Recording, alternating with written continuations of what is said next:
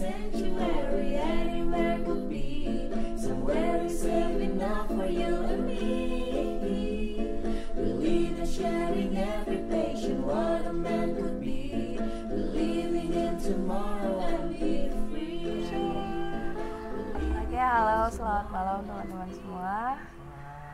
Hari ini di College House kita kedatangan tamu ya. Hmm.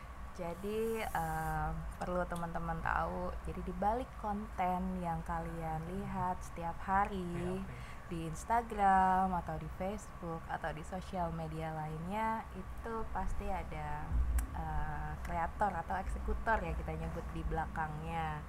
Nah, kali ini kita mau nyampein beberapa unek-unek nggak sih? Boleh. Boleh ya? Boleh disebut kayak. Unek-unek eh, di balik para eksekutor ini dalam menghandle kliennya. Seperti itu ya yang mau dibahas ya? Menghandle kliennya. Gimana? Ya, dalam menghandle kliennya eh, dalam rangka merealisasikan konten. Dan kadang itu juga penayal. kadang itu juga ini ya suka apa ya kayak bertabrakan gitu nggak sih sama si apa tempat kalian bekerja itu sehari-hari? Selalu ya. selalu ya? Oh ya oke. Nanti akan dipandu sama host satu lagi. Saya kan opening doang. Oke. ya. Oh ya aku kenalin dulu. Di sini ada mas Mas Joni Monggolo. oke. Ferdi. Ferdi. Eh, Mas Joni ini dia basicnya fotografer ya dan Mas Ferdi basicnya eh, desain grafis Eh, kalau Mas Reza apa Aku sebagai basicnya videografer aja. videografer Takut oh, ya. oh oke oke sudah mengakui. Bangsat gak ada. oke silahkan akan dipandu sama Mas Reja langsung aja Mas Reja cus Selamat malam. Bangsat ada ada penonton-penonton dahsyat. Halo, selamat malam semuanya. Sebagai ini ya, apa? pembuka dulu dong pembuka Oh, apa ya pembuka sebagai kreat asik Oke, lagi di suasana banget. di merah susu.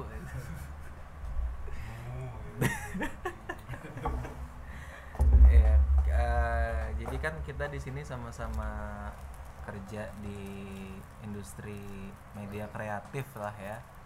Kita nyiptain beberapa konten bisa itu dalam bidang foto, video, bahkan di desain juga. Eh, mungkin ada yang sudah lama berkecimpung di dalam situ. Eh, sebenarnya kalau saya pribadi, gua aja kali ya. Kalau gua pribadi, kadang tuh ngerasa ada keresahan sedikit lah dalam pembuatan konten. Misalnya kayak apa yang udah kita pelajarin, apa yang udah biasa kita lakuin untuk kepuasan diri kita sendiri nih atau untuk portofolio kita kok berbanding jauh ketika uh, diimplementasiin ke karya yang kita buat untuk klien-klien kita entah itu dalam video, foto maupun desain gitu. Yang jadi permasalahannya mungkin eh itu ya apa namanya yang berbanding terbalik tadi itu ya karena apa ya? Tidak sesuai. Tidak sesuai dengan idealisme lah ya. Bentrok lah bentrok. Ada Ah, ego ah. yang tertahan. Ada ego yang tertahan. Nah kira-kira kita bakal bahas itu dimulai mungkin dari pertanyaan pembukanya seberapa penting konten itu eh, menarik di mata masing-masing profesi. Silakan. Bung eh, bung bung John. Bung Jan anda punya roti John ya? Oh ownernya saudara sepupu. Oh. Sudah. enggak enggak bercanda serius Eh,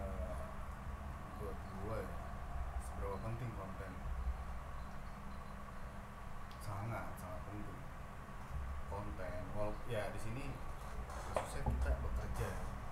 Kita sebagai pekerja sebagai pekerja yang bekerja di industri kreatif. Menurut gue sih konten itu ibarat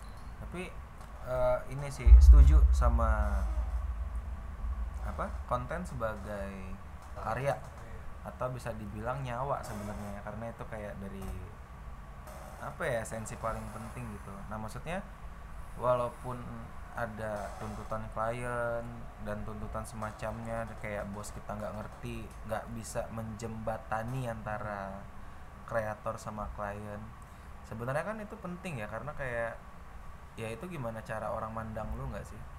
Kayak misalnya lu punya karya A lu bertanggung jawab di situ. Ketika karya lu tidak sesuai kemauan lu tidak sesuai apa yang lu pikirin ya itu akan jadi tanggung jawab lu. Lu akan dilihat sebagai orang yang oh si John karyanya gini doang. Kayak itu merusak pertama merusak reputasi lu kedua pun ngerusak si perusahaan itu sendiri. Karena kayak seperti yang ini ya ini perusahaan orang ya saya nggak mau sebut. Mm-mm, ada ada nggak nggak mau sebut. Mer, apa sih menurunkan kualitas. Sehingga orang-orang pada kabur. Ya itu makanya kenapa apa hasil dari pekerjaan yang yang gua sendiri jalani sebagai fotografer semua itu gua anggap karya karena di situ gua menjunjung tinggi nilai kualitas dibanding kuantitas itu sendiri karena ya, ya itu balik lagi dengan dengan lu menganggap itu karya lu punya tanggung jawab dan di situ otomatis nggak cuma pesan aja yang disampaikan atau kemauan klien ini kebanyakan kan rata-rata kan eh gue pengen nyampe sesuatu dari dari kontennya tapi dari situ nggak cuma itu aja ada sisi keindahan lo yang ditampilkan ya. ibaratnya gini ya foto jurnalis ya foto jurnalis itu ya poinnya kan cuma informasi kan. Gitu kan. Tapi coba bayangkan juga foto jurnalis dikemas dengan gaya konseptual. Hmm. walaupun mungkin di jurnalis sendiri di normanya itu nggak diperlakukan nggak perlu lah. Ya, ya. Yang penting informasinya nyampe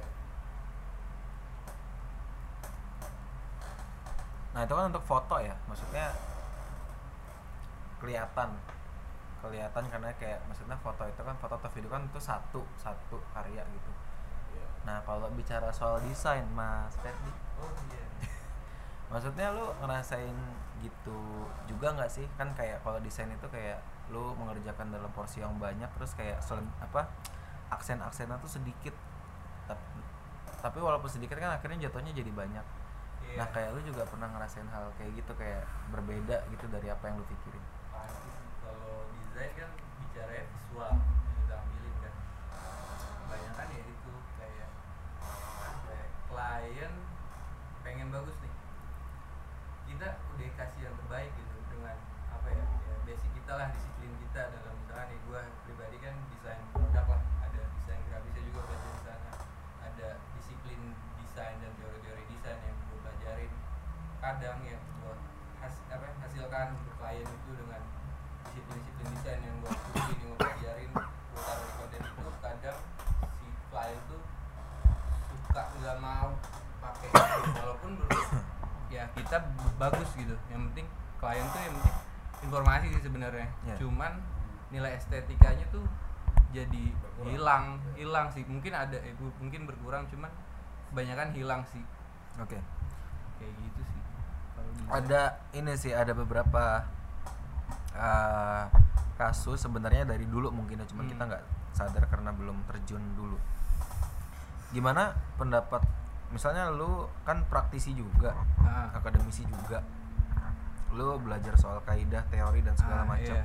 begitupun juga dengan lu yang belajar teknik foto dan segala macam lu tahu cahaya dan segala macam.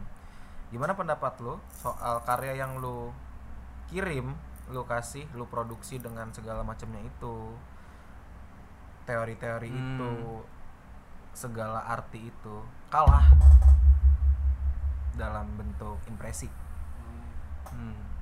sama orang-orang yang ngasal aja. Ya ya ya. Ini gue pernah ada di situasi di mana gue ketemu ini. Ketemu ada lah satu satu satu kantor gitu ya. Satu kantor dia dia videografer partner gue lah gitu tapi videografer lama sih dia iya dia dia orangnya teoritis banget Hmm. Iya, segala sesuatu yang berhubungan dengan fotografi dan videografi itu buat dia itu semuanya ada teorinya di buku, Hmm. cara-caranya gitu. Jadi waktu itu gue sempat dapet challenge dari bos, tolong buatin foto dark, rustic.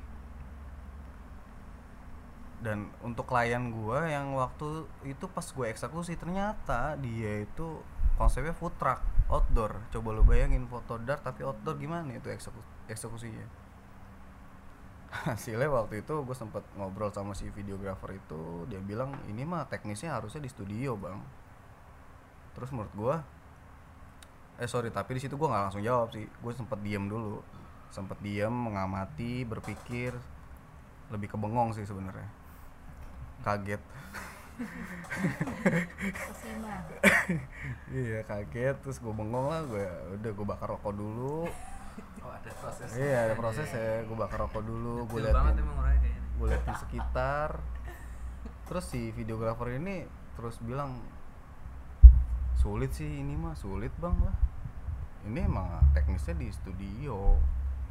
Terus gue akhirnya gue potong omongan lu diem aja deh jangan ganggu momen gue di sini gue lagi mikir.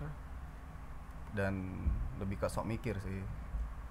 Akhirnya akhirnya gue nah ini bersyukur sih. Dari zaman gue dulu sekolah gitu ya gue selalu berangkat dari kekurangan. Di mana kalau kita berangkat dari kekurangan yang gue rasain sih yang orang-orang yang berangkat dari kekurangan itu selalu memaksimalkan kinerja otaknya dibanding orang-orang yang selalu disediakan fasilitas yang serba ada gitu. Itu itu setuju sih Ya. Dari situlah dengan pengalaman yang di mana gue sering atau pernah membaur di apa ya mungkin di komunitas bisa dibilang ya dapat dapat banyak ilmu lah sebut saja kelas Ja- pagi Jakarta Iya di situ sebut Oh, iya. itu udah nyebutin disebut Oh iya, kelas pagi Jakarta itu Mas Antoni Ismail. Terima kasih banget sih ilmunya. Dan wejangannya di situ dia bilang teknis itu teknis itu penting.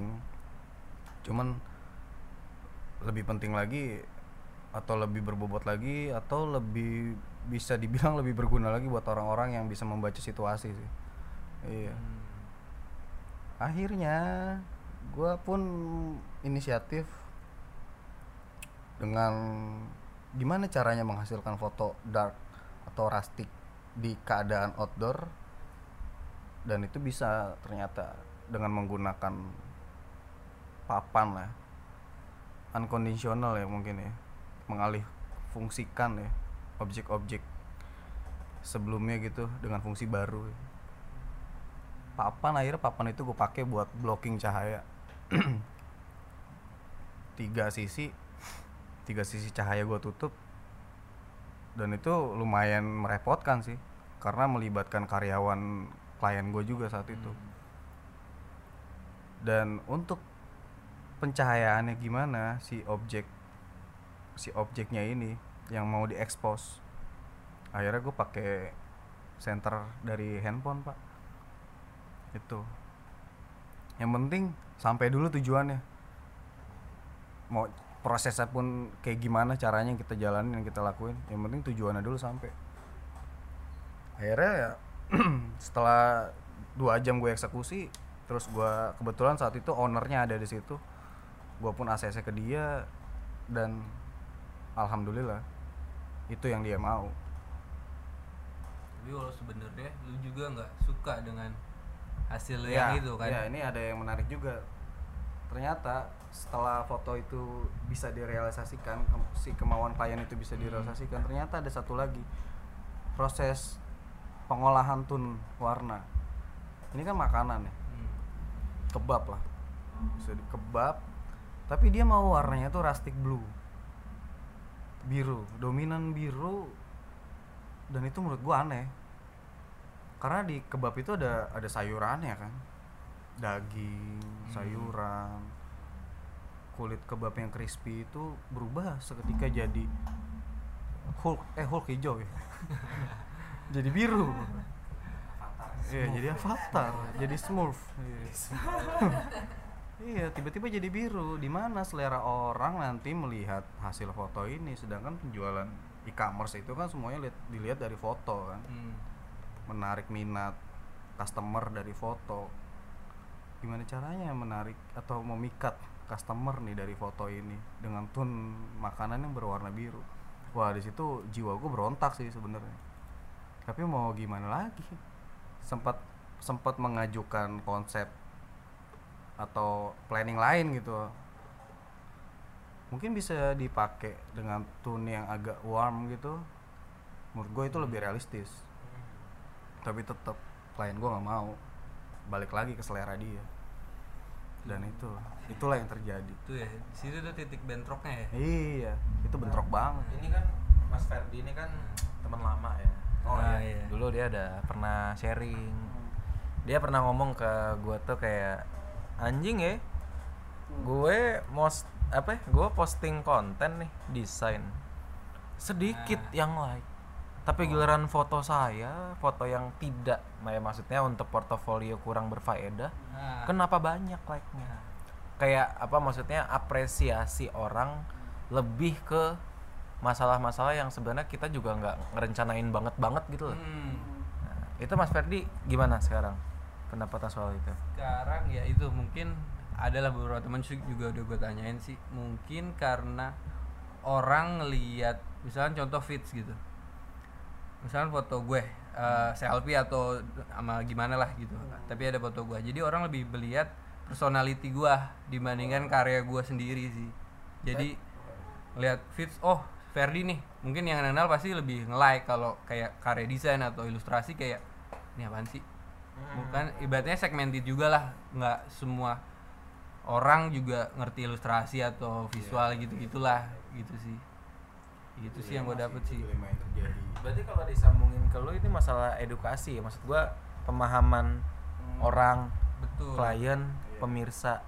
Kayak maksud gua ya bener tadi kayak makanan memang ada yang temanya rustic dan blue tapi tertentu. Iya betul.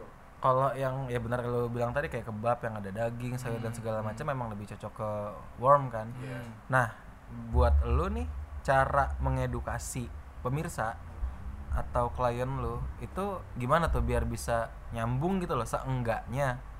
Kayak apa ya kayak pantas secara standar. Hmm. secara standar dulu aja deh jangan kayak kita bahas idealis kita mau kayak gimana dulu. Nah, itu gimana tuh kira-kira? Nah, sebenarnya saat itu tuh bener-bener ini ya pas kita kasih opsi kita kasih opsi untuk tune lain gitu ya itu sempat udah dikasih tahu juga ke kliennya ke ownernya saat itu kalau blue tuh seperti ini dampaknya untuk customer gitu untuk visual mata kan. Kan yang menikmati mata di situ. Hmm. kita buat mata kita lapar aja dulu gitu maksudnya. Gue ada sempet kasih opsi warm dengan dengan penjabaran nih kalau warm tuh kayak gini gini gini gini. Lebih bisa dinikmati lah dan itu balik lagi lebih realistis lebih natural kayak gitu. Tapi ya itu ternyata gue ada batasan saat itu. Saat itu gue ada batasan di mana sebagai fotografer tidak diperbolehkan mungkin bisa dibilang tidak diperbolehkan untuk banyak bicara. Karena di situ ada job desk-nya akun eksekutif ada job desk-nya social media planner. Di situ batasan gua. Dan sempat sharing ke dua dua kawan gua itu dan ya entah mungkin mereka juga gue yakin sih mereka nyampein juga ke si klien si ownernya tapi ya tetap balik lagi ke balik mereka lagi ya. balik lagi ke klien. Nah kalau dari desain mas lo Hmm. pernah gak sih kayak apa ya berkomunikasi sama mereka gitu mengedukasi? Bu standarnya tuh gini. Pak standarnya tuh gini. Tanpa lu bawa-bawa dulu tuh semua yang lu Ah, pelajarin dan iya. segala macam. Pernah sih waktu itu adalah kayak semacam apa sih detox gitulah minuman detox oh, gitulah. Itu. ah, saya Nah, saya jadi apa ya mereka tuh awal ngebrief anak-anak tim kita lah gitu. Ah dia pengen seperti ini nih desainnya eh, simple segala macam yang clean clean oke kita ikutin. Lama-lama kita ikutin. Ujung-ujungnya apa? Kita disangka nggak ada kreativitas di situ. Oke. karena kayak Desain kok terlalu sepi monoton ya? terlalu simple. Oh. Padahal dari brief pertama mereka tuh emang arahnya pengen ke sana gitu. Tiba-tiba ada suatu ketika dia ngupload sendiri. Dia nggak nggak tahu deh tuh yang desain siapa. Nah menurut mereka yang buka, ya di compare lah maksudnya kayak yang dia yang mereka hasilkan tuh lebih rame lah. Jadi kayak kok omongan lu di awal nggak kayak gini nih? Ya kalau lu mau rame bilang dong dari awal. Ya, nah iya, ya, iya, kayak iya, gitu iya, tuh. iya. Yang sering seperti itu sih biasanya. Padahal dari tim kita udah kayak kayaknya lebih cocok ini karena kita juga lihat kompetitornya segala macamnya kayak oh ini lebih bisa angkat awarenessnya atau penjualannya segala macam salesnya. Kayak gitu sih paling biasanya. Wah, aneh sih. itu ya mungkin ya bisa dibilang aneh sih kliennya Freak banget. nah, apa tadi detox ya? Detox itu sih. Emang butuh di detox ya, nih. iya, kayaknya. tapi gua lagi buka situs dari marketingcraft.getcraft.com Hmm. di sini disebut agar konten dapat engage dengan audiens secara efektif kita perlu tahu seberapa jauh kita mengenal audiens sebagai Hmm. brand kita perlu paham beberapa hal mendasar apa yang mereka suka di mana mereka sedang menghabiskan Hmm. waktu apa yang mem- membuat mereka takut apa yang memikat mereka nah sebenarnya pertanyaan gua ke ini sih ke konten-konten yang lagi viral mungkin sekarang kayak TikTok sekarang kembali berjaya terus video-video b-roll dan ala-ala Ah. sinematik ah, kalau untuk video ya kalau untuk video gue nah, nilainya iya. eh gue lebih ke arah soft story ya kayak gue soft selling Iya, iya. karena menurut gue hard selling itu terlalu anjing lu ketahuan banget jualan gak sih karena teman kalau kita bungkus sama soft selling kayak orang tuh akhirnya nginget kayak akhirnya di sosmed tuh sekarang banyak yang eh, komen dia apal iklan mil kita dia apal dialog-dialog iklan apa tuh ya yang apa sih sikat gigi yang eh bu aku kan belum belum dapet yang gitu-gitu Ah. Sensodyne gitu Iya. nah cuman anehnya atau uniknya audiens mereka pasti lebih banyak dan lebih cepat viral dibanding sama konten-konten yang biasa kita buat yang udah kita rencanain matang-matang Hmm. berarti mungkin gak sih kalau kita memang harus buat konten seperti itu juga atau stay in track gitu lah tetap di track ya yang kita iniin dan kita tahu itu bagus bukan kita sok tahu ya tapi kita Hmm. tahu itu bagus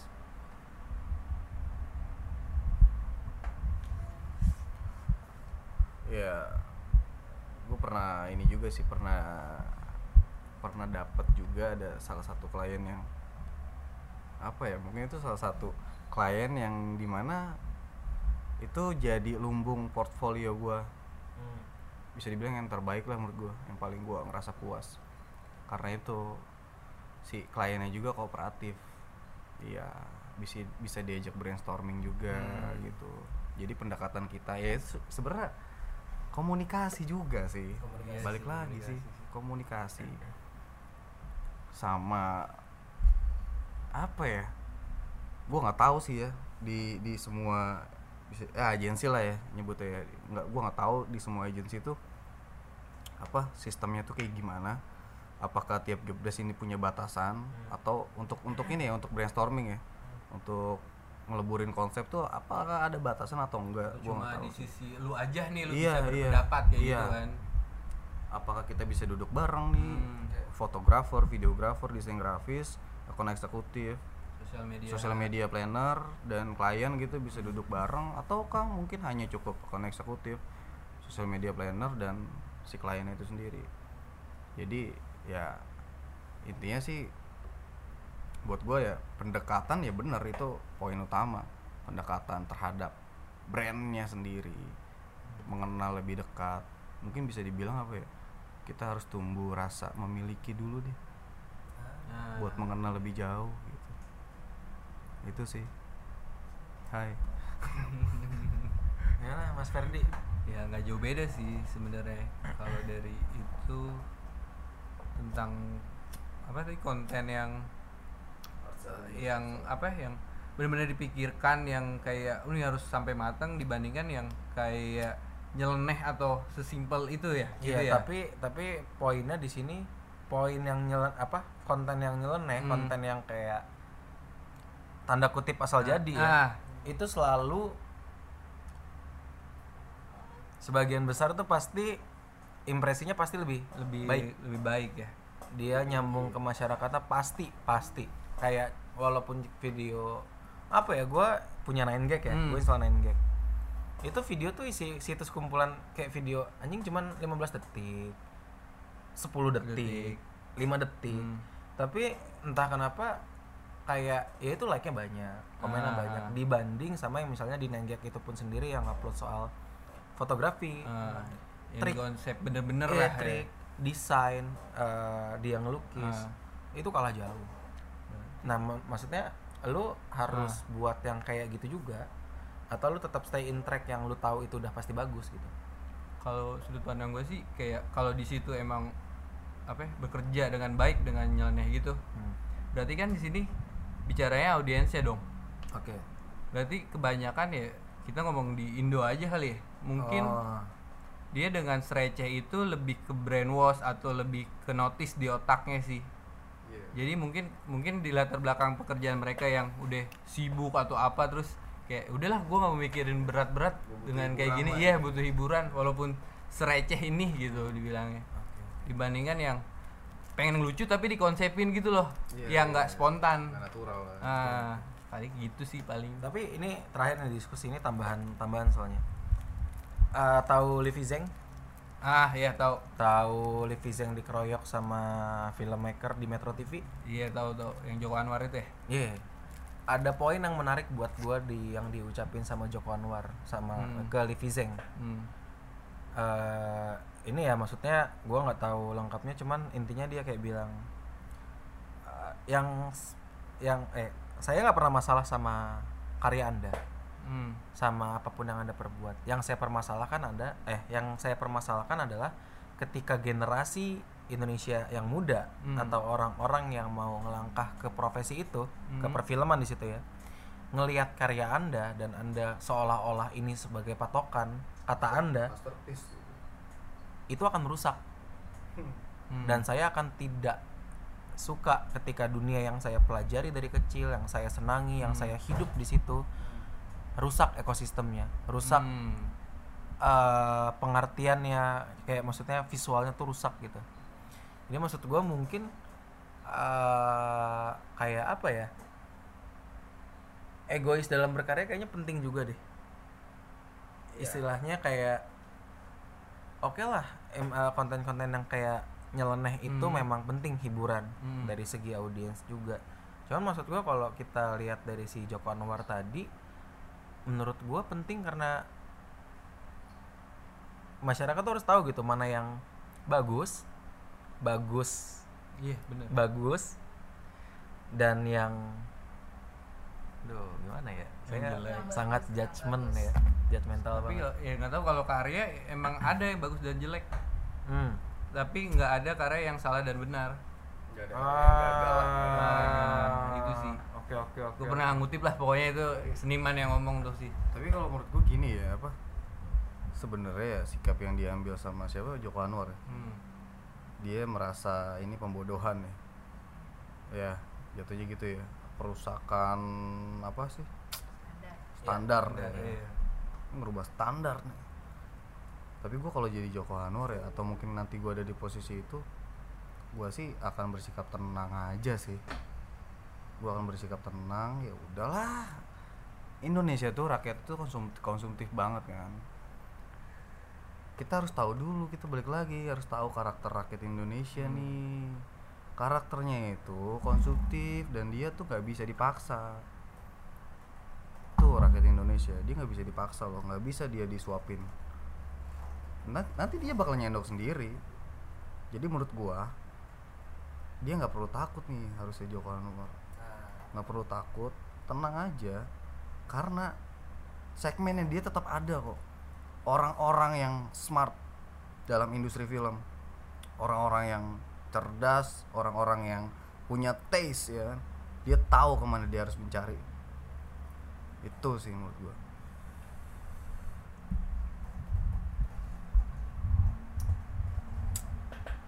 Segmen.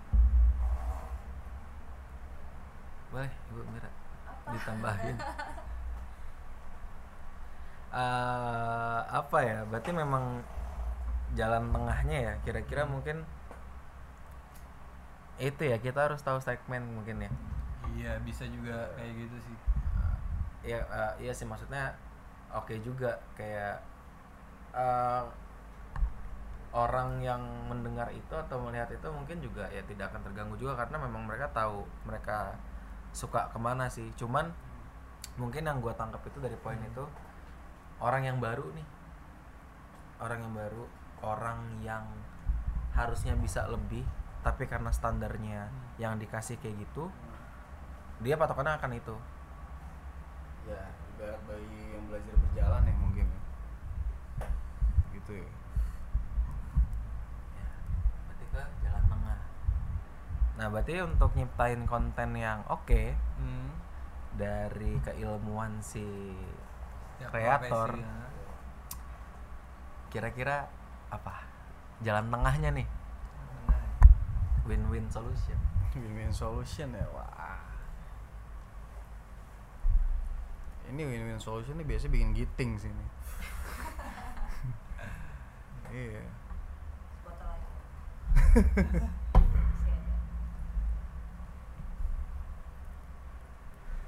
jalan Sebenarnya tengah nggak ada jalan tengah sih sebenarnya kalau menurut gue kayak udah kita berdamai.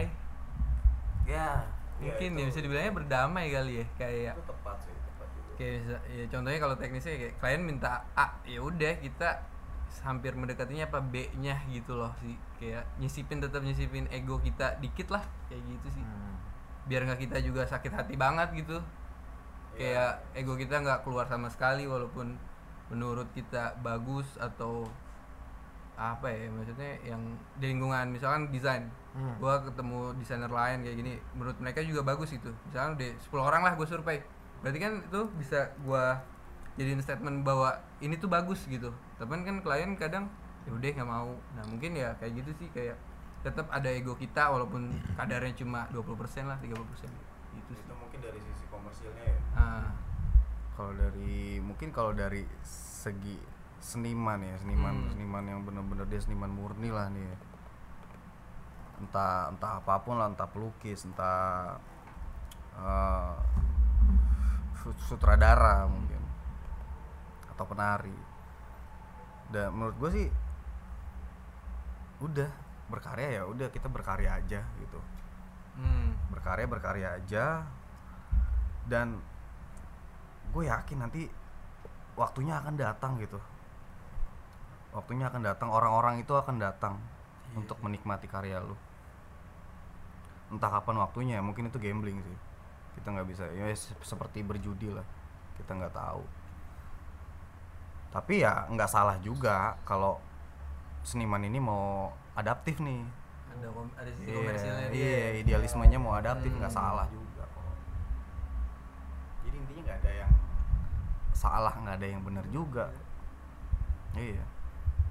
Dan ya udah lakuin aja. Lakuin aja kalau lu punya konsep, lu punya ide, lu mau berkarya lakuin aja. Jangan pernah ngerasa tersaingi, jangan pernah ngerasa ada apa ya? Ada tekanan gitu. Anggaplah kayak anak kecil lah kalau kita berkarya yang anggap kayak anak kecil ya udah kita nggak takut salah tuh kalau gambar kan Hmm, jujur jujur aja gitu kita nggak perlu penghapus di situ udah garisnya lu belok-belok ya udah belok-belok entah itu jadi bentuk apa pasti ada bentuk yang bisa dilihat di situ tapi kalau dari sisi videografer gimana nih Beda, beda, beda. Apa nih? belum terjawab kayaknya dari Apa, tadi apa, ya. apa, kita apa? kita doang gimana nih Apa ya, apa ya? ke sampean sih ini Nah, film ya hmm. Apa pertanyaan apa tadi? Yang tadi gimana menanggapi konten yang Ah. bentrok lah intinya gitu sama idealis lu